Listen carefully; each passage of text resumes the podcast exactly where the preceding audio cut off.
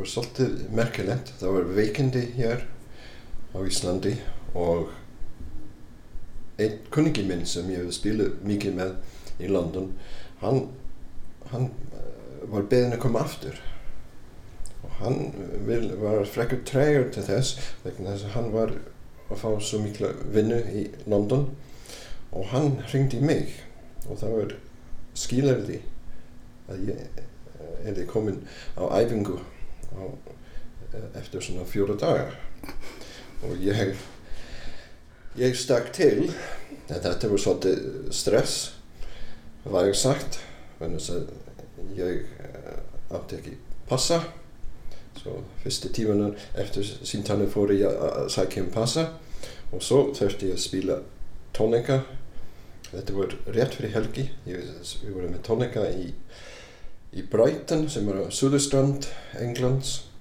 Og þá laði ég að stað eftir, eftir náttúrulega ég hefði sagt upp kens, kennslu sem ég var með og ringt hingrað og þangað til að aflýsa alla aðra tónleika sem eru í dagbókinni.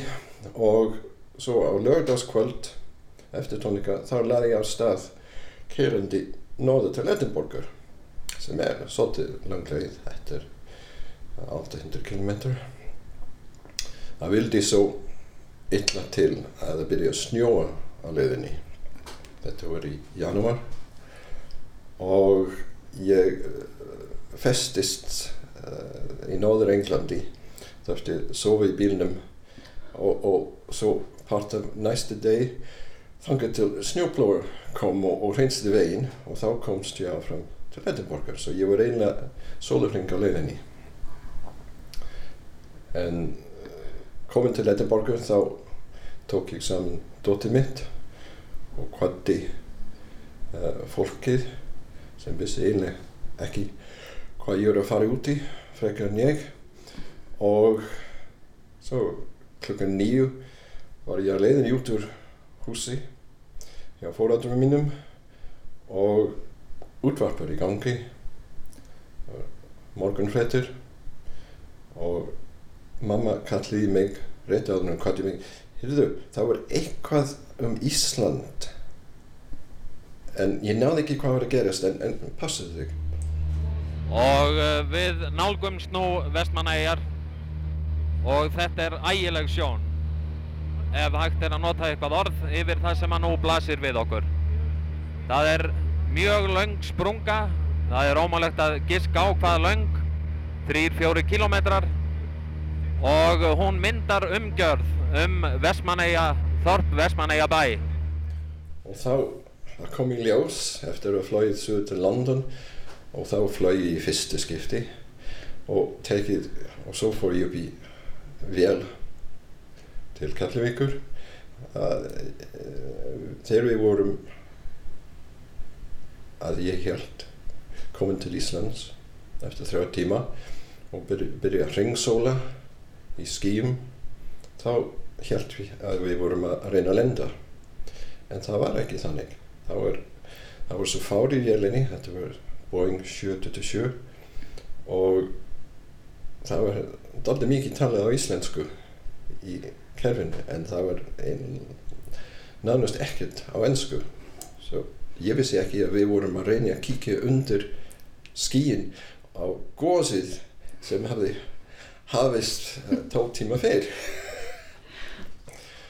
Og en ég hefði fyrst um gósið þegar ég var komin til Reykjavíkur og hitti á Hotel Sög stjórnandan sem var uh, uh, stjórna þessu viku.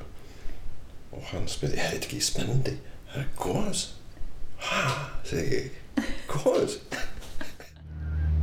Við sjáum Vestmanæja bæ hverfa hér og á bakvið er gósið sem myndar hrikalegan bakgrunn fyrir þennan mesta útgerðabæ landsins. Og við syklum hér með fram bátaflottanum fólk sem er að yfirgefa heimili sín. En við, okkur tókst ekki að sjá neitt en ég bjargaði því setni í vikunni með því að fá fara í rellu með fjölskyldu sem voru að fara og kíkja á gósið en það var átakanlegt vegna þess að uh, móðurinn í fjölskyldunni hafi alveg upp í, í Vestminniðum og sá að, að þetta var hennar æsku heimili var næst góðstöfum og myndi vantilega fara undir raun mjög flotlega. En þetta var svolítið dramatísk, dramatísk byrjun á, á, á, á lífi mínu á Íslandi.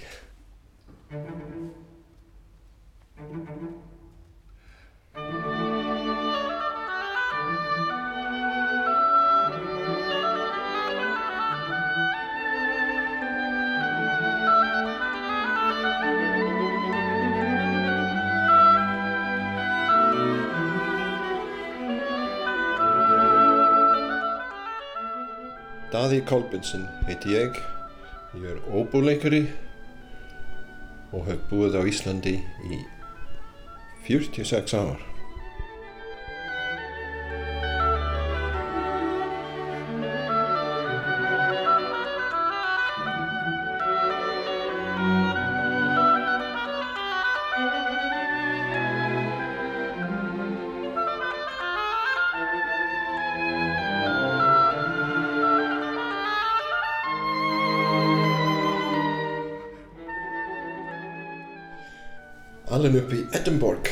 Skotlandi og var þar byrjaði að spila óbú þegar ég var tíu ára og hafði mikið áhuga að spila.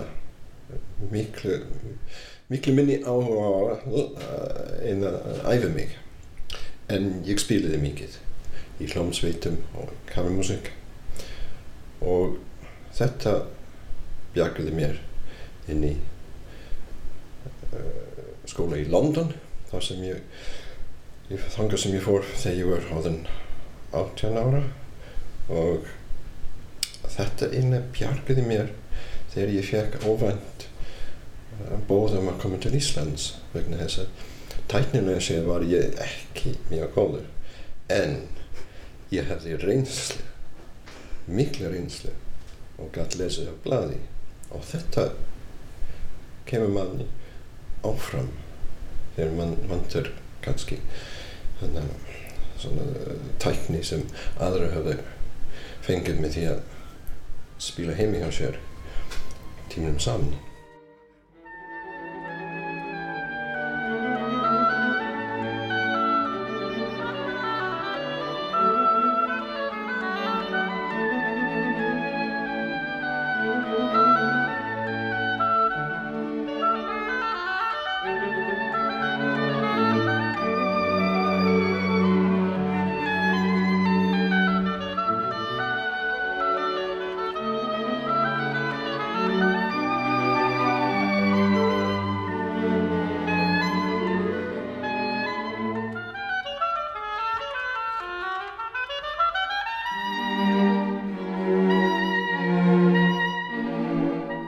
bara það að vera í starfi fyrir tónlistumann þetta er líka atriði.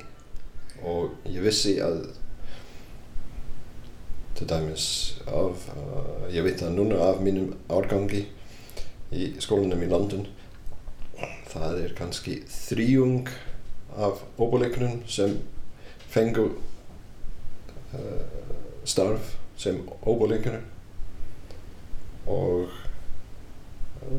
svo maður sleppti ekki uh, tækifæri að geta bara unnið og fengið kaup fyrir að spíla og það að spíla það er það sem ég uh, mér finnst eiginlega skemmtilegst að gera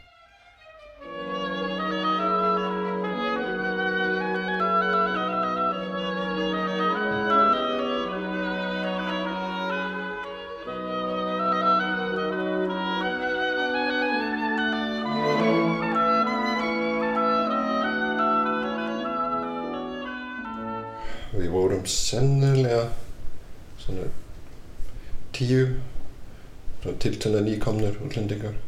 Flestur komu og stoppuðu einn eða tvo vetur.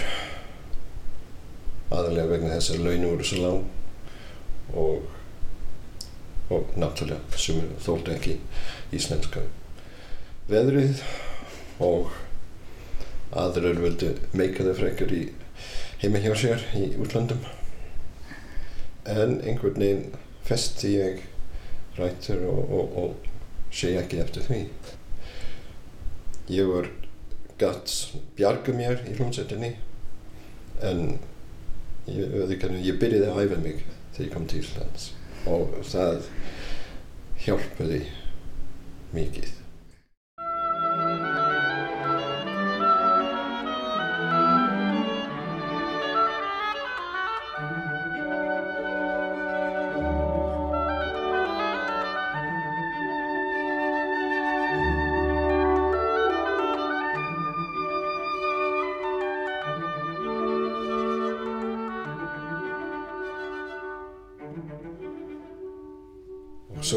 íslenskt íslensku þjófélagið fannst mér mjög aðlandi. Ég, það var miklu opnara í Ambró 73 heldur en það sem ég hefði kynst í, í, í, í Skollandi og það var svolítið frálsari í London náttúrulega.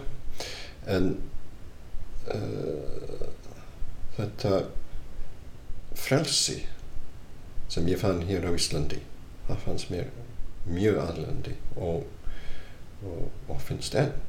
Og svo var mér bara svo vel tekið. Það var bara, mér fannst þetta með ólíkundum að útlendingur geti bara gengið inn í banka þeir, og, og rætt með bankastjóru og fengið lán eins og bara hver annar eins og Íslandingur en þegar ég kom þá voru lögin öðruvísi miklu sterkari og þá var ekki Ísland var ekki þennan hlut af uh, uh, kerfið í Evrópu. Svo ég þarfti að býða tíu ár þangar til ég ekki fengið ríkisborgarrétt og það var þetta þýtti að ég þarfti að sækja matvinnulefi hverja ári og svo þegar við kiptum okkar fyrsti íbúð þá þarfti ég að sagja um ráðherralefi til að eignast íbúð þótt þetta var bara kallar íbúð á reynir mér og en það eiginlega skolnasta var þegar ég byrjaði að nota Íslands nafn áður en ég var íslenska ríkisborgari.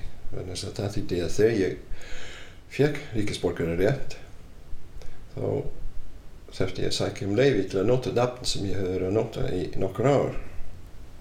En það var samtengt en reyndur halv ári setna þá var ringt í mig frá dómsmáður á neytinu og þá var mér bent á að ef ég vildi þá get ég skipt hálfuleitt tilbaka. Að ég geti notað æturnafn en mér fannst ja, æturnafni mitt er Campbell en mér fannst Daði Campbell hljóma svolítið skringilega svo ég var ekkert þáði ekki það tilbúið.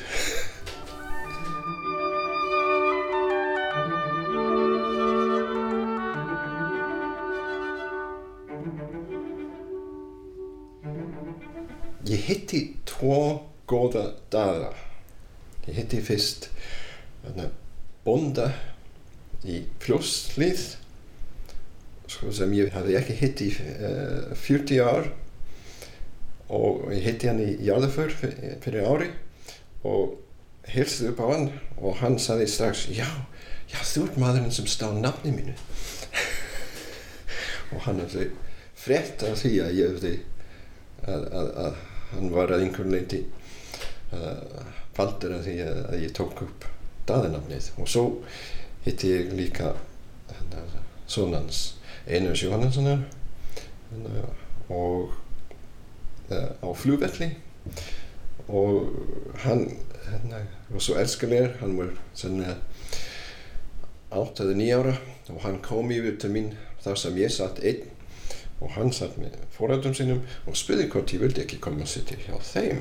Svo ég fann tvo góða daga og, og, og, og ég vildi finna nafn sem byrjaði á D eins og Duncan sem er nafnið sem ég var með og er ennþá með þegar ég heimsækja uh, fjölskyldumina og vinni í útlöndum. En það er ekki mörg nöfn sem byrja á D það var Dari og Dofri og Didrik og Dewey og, og svo Davíð. Og uh, ég, ég var bara sáttast við, við daðinafni Gott kvöld. Hér í Háskóla Bíói er að hefjast 14. reglulegu tónleikar Sinfoníusljónsvittar Íslands á starfsárinu. Fyrstu tónleikagestir sumarið 74 eru komnir til sæta sinna. Einn og einn enna skiknast um eftir góðum stað. Hljónsveitin er komin inn á sviðið og er að stilla hljóðfærin og býður stjórnandans bótans og diskos. Symfóníuljónsveit Íslands var þá mjög uh, uh, ákveðin að vera góð en fórsendurinn voru ekki alveg nógu góður. Margur þurftu að vinna tvöföldu vinnu launum voru mjög lág og allir voru ímis að kenna eða þóklugga eða gera ímislegt annað til að bjarga sér. Og þetta þýtti að það var ekki menn hafði ekki alveg sama tækifæri til að æfa sig. Efnisgráin er fjölbreytt á þessu sumarkvöldi tónverkin úr austri, vestri, suðri og norðri. Og þar byrjum við á frumflutningi nýrar tónsmíðar eftir Þorkil Sigurbjörnsson. Haflög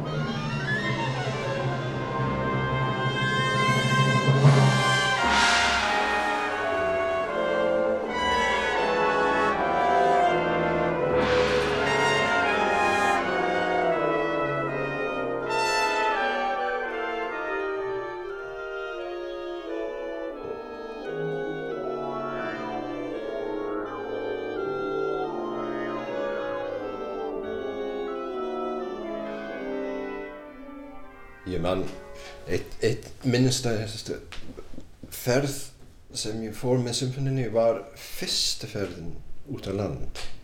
Og við fórum vestur og svo Búðurdal og, svo, og þar spilaði þarna nokkru brasleikarar spilaði á blikkinni og svo fórum við norður og, og, og og það var, ég manna að það var mikið ball á Blöndósi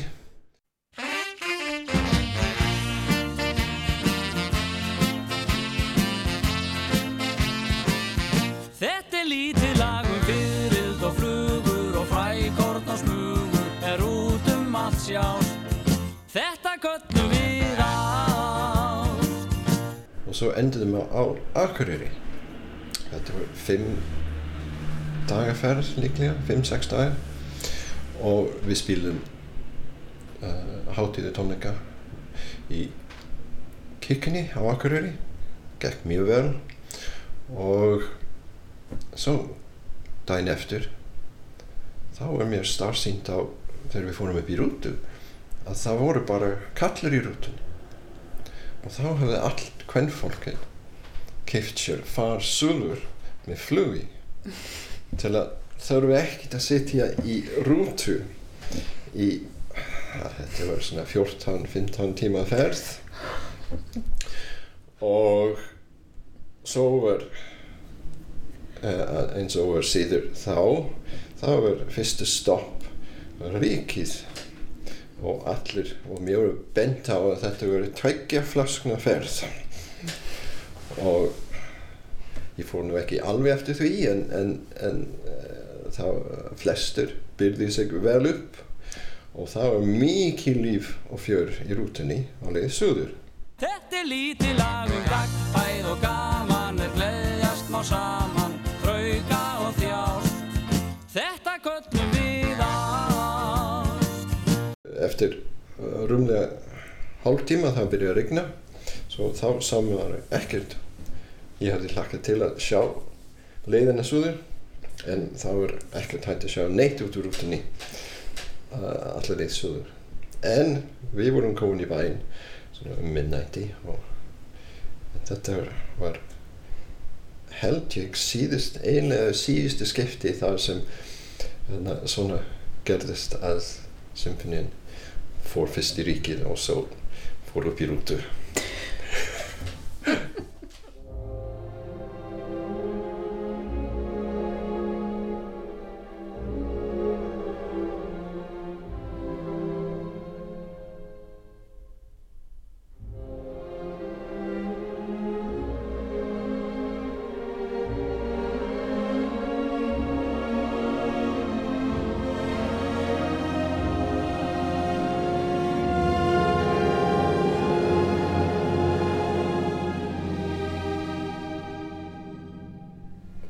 þetta er allt annar symfóníuljómsveit. Hún tók kipp ga- í gæði þegar við vorum svo heppin við vorum svo heppin að fá Petri Zakari og við fengum samning upptökusamning hjá Shandós og þá allt einu var einbytting miklu meiri. Og síðan hefur hún þróið og alltaf upp að við. Og ég segi í gríni að hún hefur aldrei hlumið betur en þegar ég hætti eftir ég hætti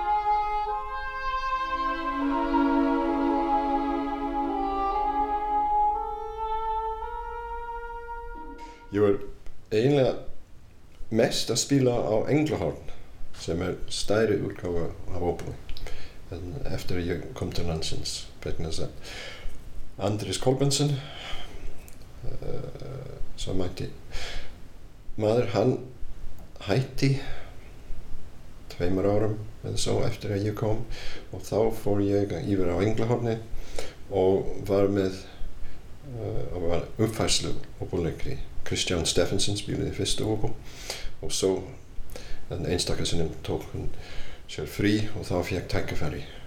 Það gikk tækifæri til að glíma við uh, fyrstu óbú uh, rand sem er mjög gaman. En svolítið stressandi líka þegar maður er ekki vann að því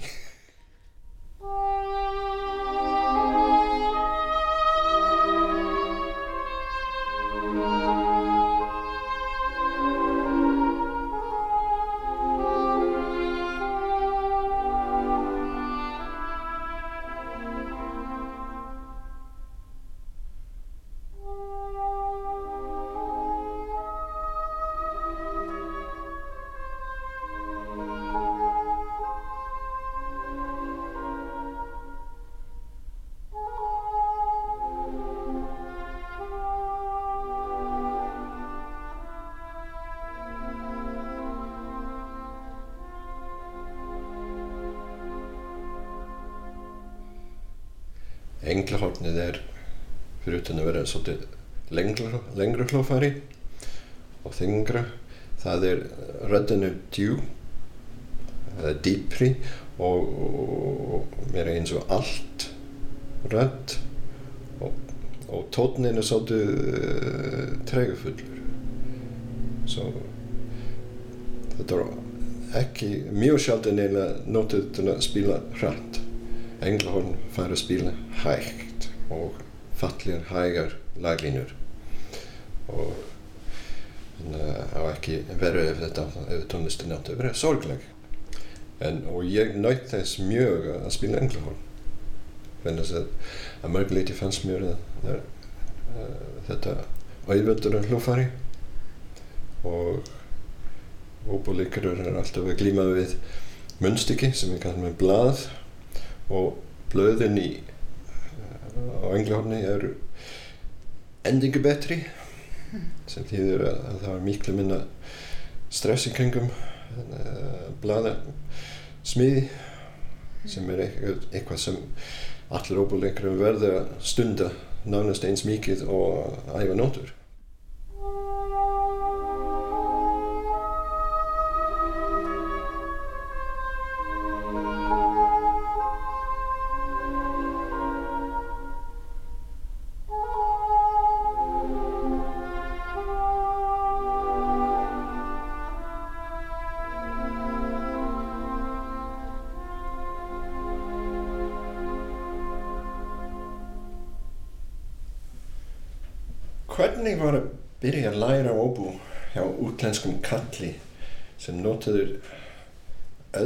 öðruvísi orðarfáða en þú veist vann, Guðrun? Ég leit aldrei á Dada sem útlending. Mér fannst hann bara tala fína íslensku, betri íslensku en margir íslendingar og man ekkert mikið eftir skrýtnum orðaforða. Ég var latur fyrsta árið og svo tók ég ákvörðun að ég ætla að læra íslensku og vera á aðlagast uh, íslensku þjófélagi eins mikið og ég gæt. Svo ég fór, ég fór í háskólan og uh, var, og það var frábær uh, kennslubók sem er notað þá eftir Helgu Kress. Og ég einu að lærði þessa bók sem var andri útgefin, hún var bara fjórættið, því mýður og ég lærði þessa bók einu utan af og svo byrjaði ég að lesa á íslensku. En uh, blöðin. Og eftir já, ég mann að um áramót 74-75 þá tilkynnti ég allum að ég var hættur að tala ennsku viðbræði voru ekki mjög upphörfundi. Þá var ég einlega frestur sagði oh no en ég held minu striki. Og það voru bara tveir sem neytið að tala íslensku með mig í symfoninni sem hefði tveir sem hefði búið í Brettlandi lengi en voru Íslandingar en annars gekk það mjög vel að, að, að eftir það var bara byrjunin erfiðleikar. Og eftir nokkru mánuði var, var þetta orðið uh, ekki kólu pína fyrir alla í kringum mig.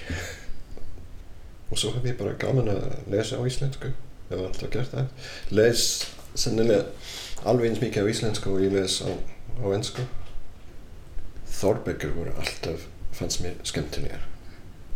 Og ég laði seinlega flest eftir hann fljótlega ég, eftir ég byrjaði að lesa alvru bækar á íslensku og, og, og, Lagsnes og er bara eins og venjuleg íslendingar ég reyni að komast yfir sem mest af bókunum eftir jól og annarkort fá, fá gefins og þeir fá lánaða svo ég er sæmilega hérna, vel að mér þegar ég hitti fólk og, og, og, sem hefur lesið sama bækur sem er helminga hérna, skemmtun að lesa bækur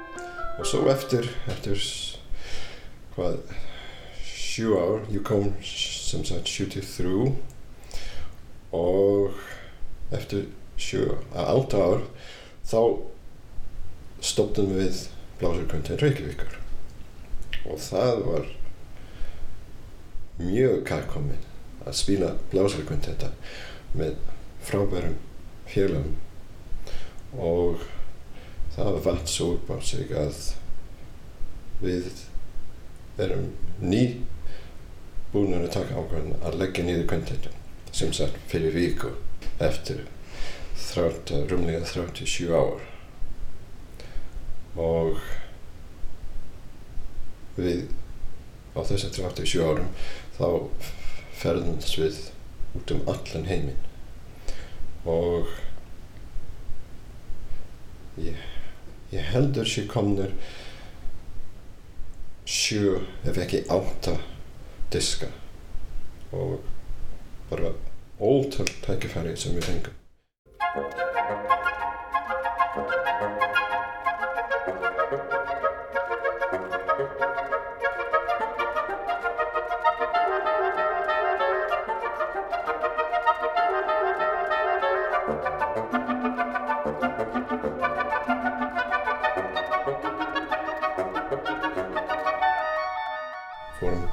dæmis tvær ferðir um Bandaríkin og tvær ferðir um Ástralja og þetta var bara rosalega gefandi. Og líka fyrir mig sem var ekki uh, langt frá því sterkasta spilarinn í hópnum þá var mjög góð þjálfun fyrir mig.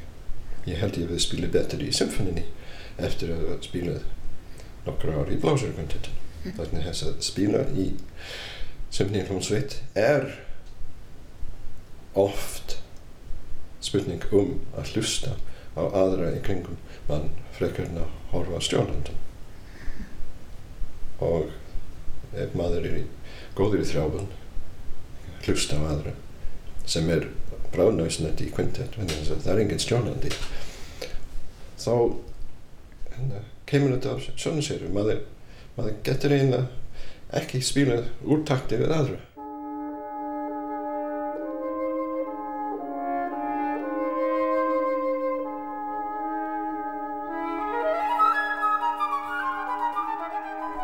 Þegar við stopnaðum kvintettin þá var uh, Bennaði Wilkinson á flöytu og Einar Jónesson á klarnettu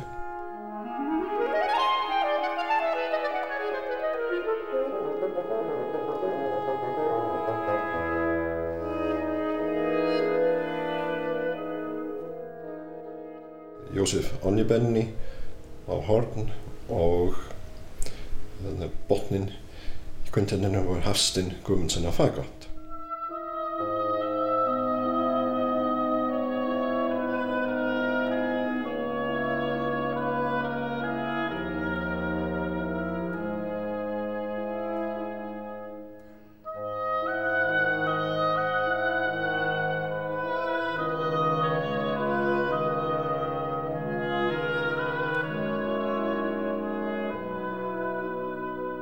En við spilum okkar síðustu tónleika í desember var kvöld, kvöldlokkur á, á jólaföstu og ákveðum að, að það var komin tími að setja skó á hilli.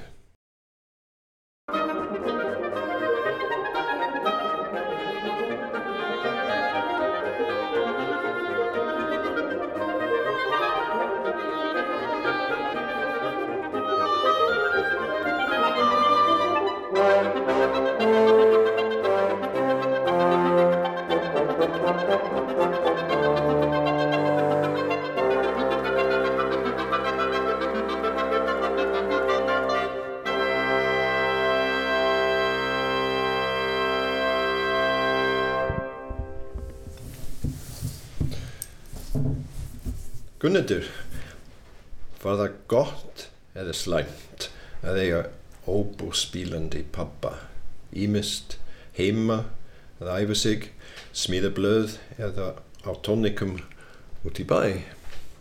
breytist viðhorfið til tónlistur vegna þess?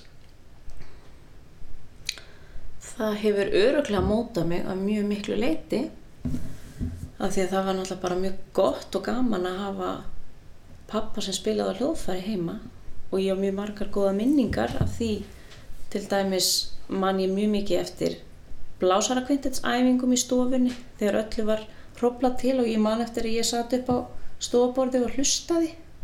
Ég hlustaði á margar æfingar mér varst alltaf búið gaman að hlusta.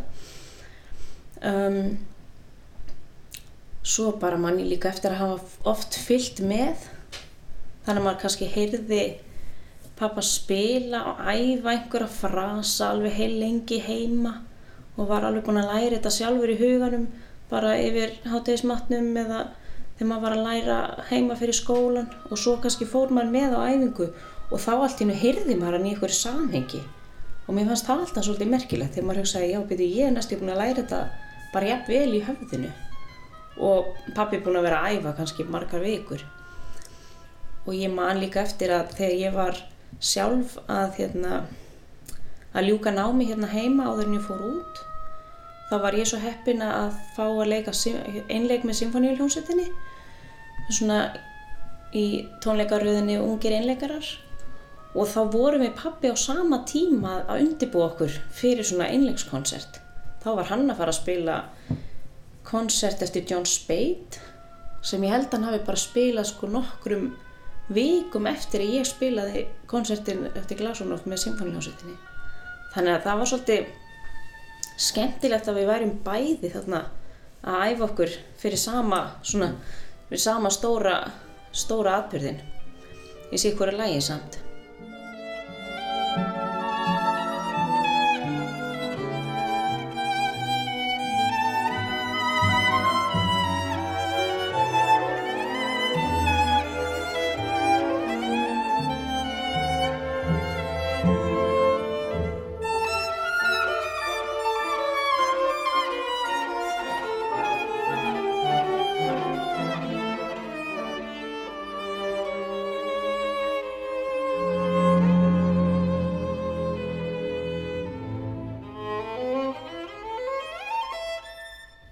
einlega gaman að því að, spila einlega alla tónlist en ég höfði við ekki hana ég er svolítið veikur fyrir Rachmaninoff og sem þykir kannski ekki mjög fínt hjá, hjá atvinnu tónlistumannum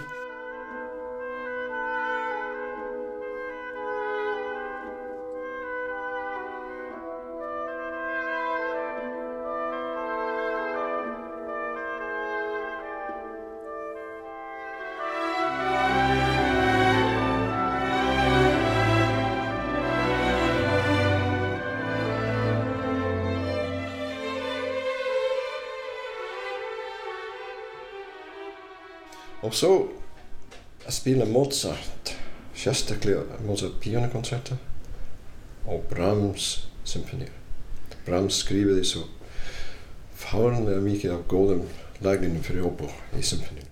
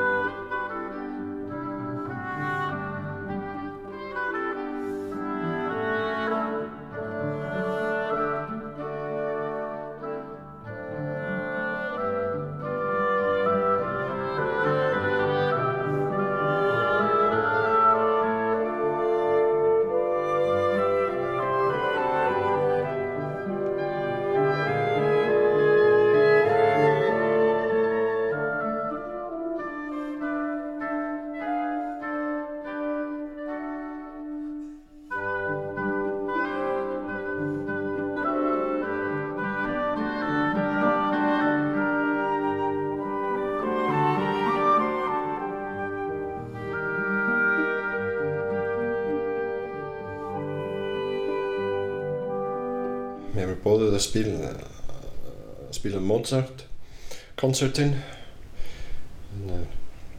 2000 og svo fekk ég líka að spila Strauss koncertin fjórum árum setna og þetta uh, er sko draumur hvers óbúleikar að fá að spila þessa tvo einleikskonserta sem er þetta er það eina af það bestu verkin sem hafa verið sami fyrir óbú þegar óbú er í fórgrunni allan tíma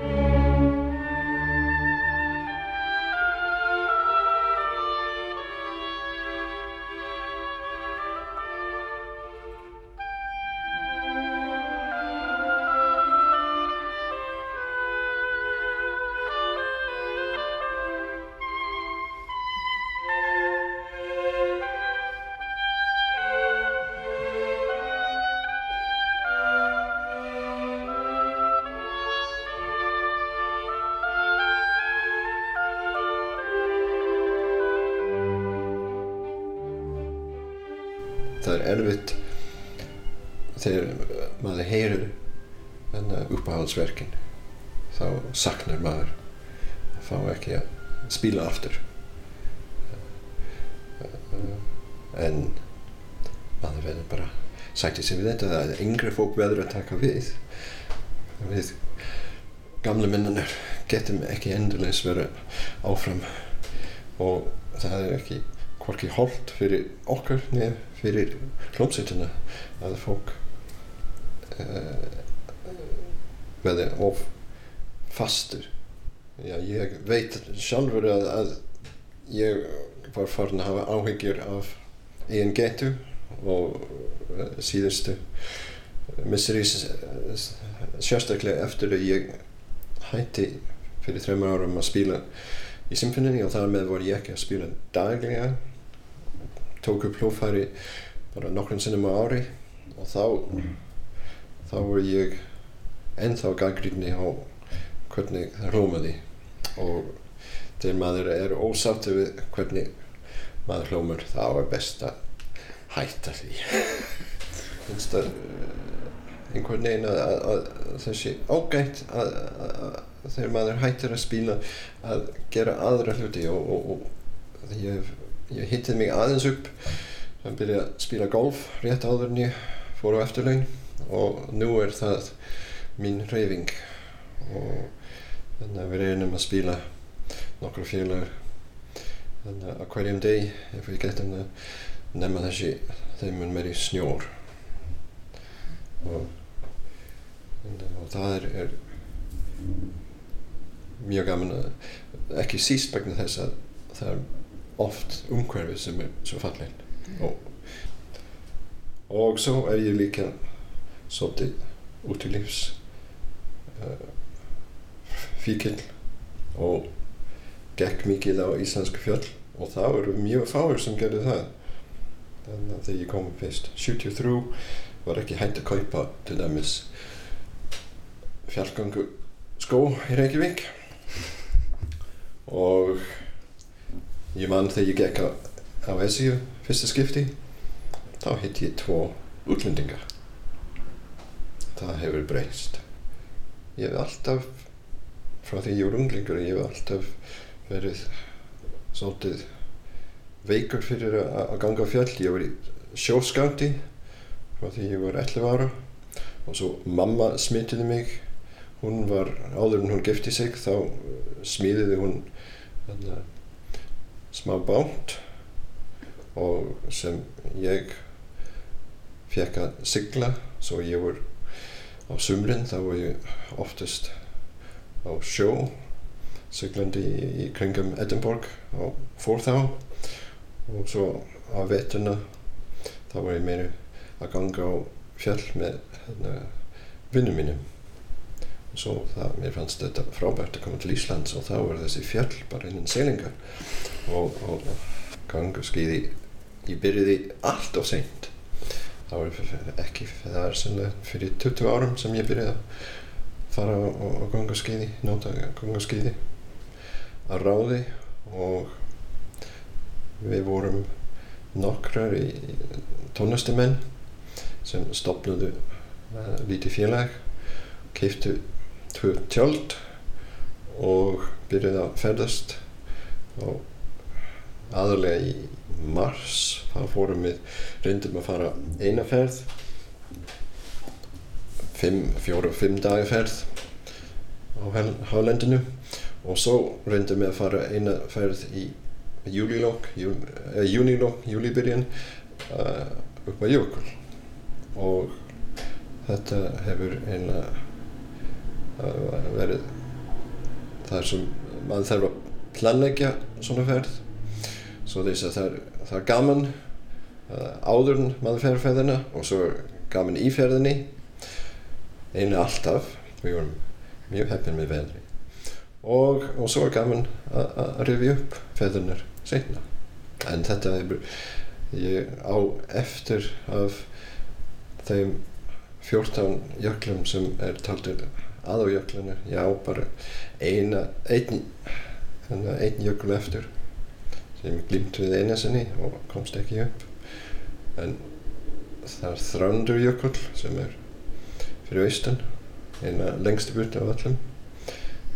Ég, það er ennþá draumar að klára þessa fjórtándu eins og ég kalli þetta. En síðan ég listin var búin til fyrir nokkrum árum þá hefur einn jökul dottið út og er ekki lengur jökul og það er svipið og að spila í symfóni hljómsveit. Að, að það er hópur af fólki sem er að gera það sem það finnst gaman að gera og þetta er samvinna. En svo má maður einstaklega sinnum fara undan eða, eða láta sig þarna, að býða og, og, og, vera einn frekar í hópnum sem er það sem maður fær að gera í simplínhljómsveit stundum þegar maður fær að spila svona sérstaklega setni árun þegar ég var þegar ég var, ég var ít upp í fyrsta sæti þannig að 2000 og þá er maður í mjög ábærandi stöðum. Fyrstu óbúleikurinn er má segja með fyrstu trompetleikarum og, og fyrstu hopleikarum er uh, það er hljófæri sem geta ekki fálið sig. Það flest hljófæri í neyð getur aðeins dreyð sig tilbaka en óbúleikurinn sittir í, í vondum málum og, og, og verður bara bjarga sig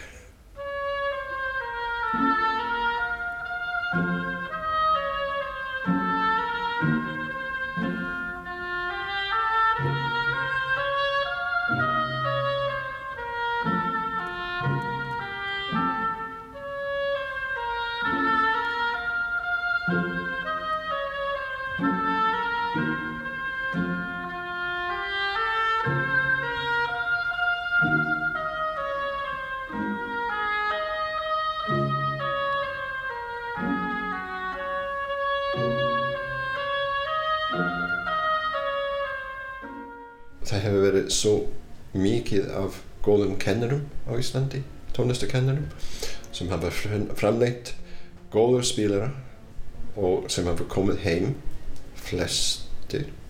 Og þetta er það grunnurinn í, í Symfóniuhljómsveit Íslands. En við höfum alveg eins og hver annar hljómsveit út í heimi við höfum aðkomu fólk sem sumur sumt stoppar stutt og aðrir eins og, eins og ég eru hér og komnum til að vera. Og þetta er mjög heilbrygt ástand það er í landi eins og Ísland með svo fátt fólk þá er mjög erfitt að, fá akkurat rétti samsetning af góðum tónlistamennum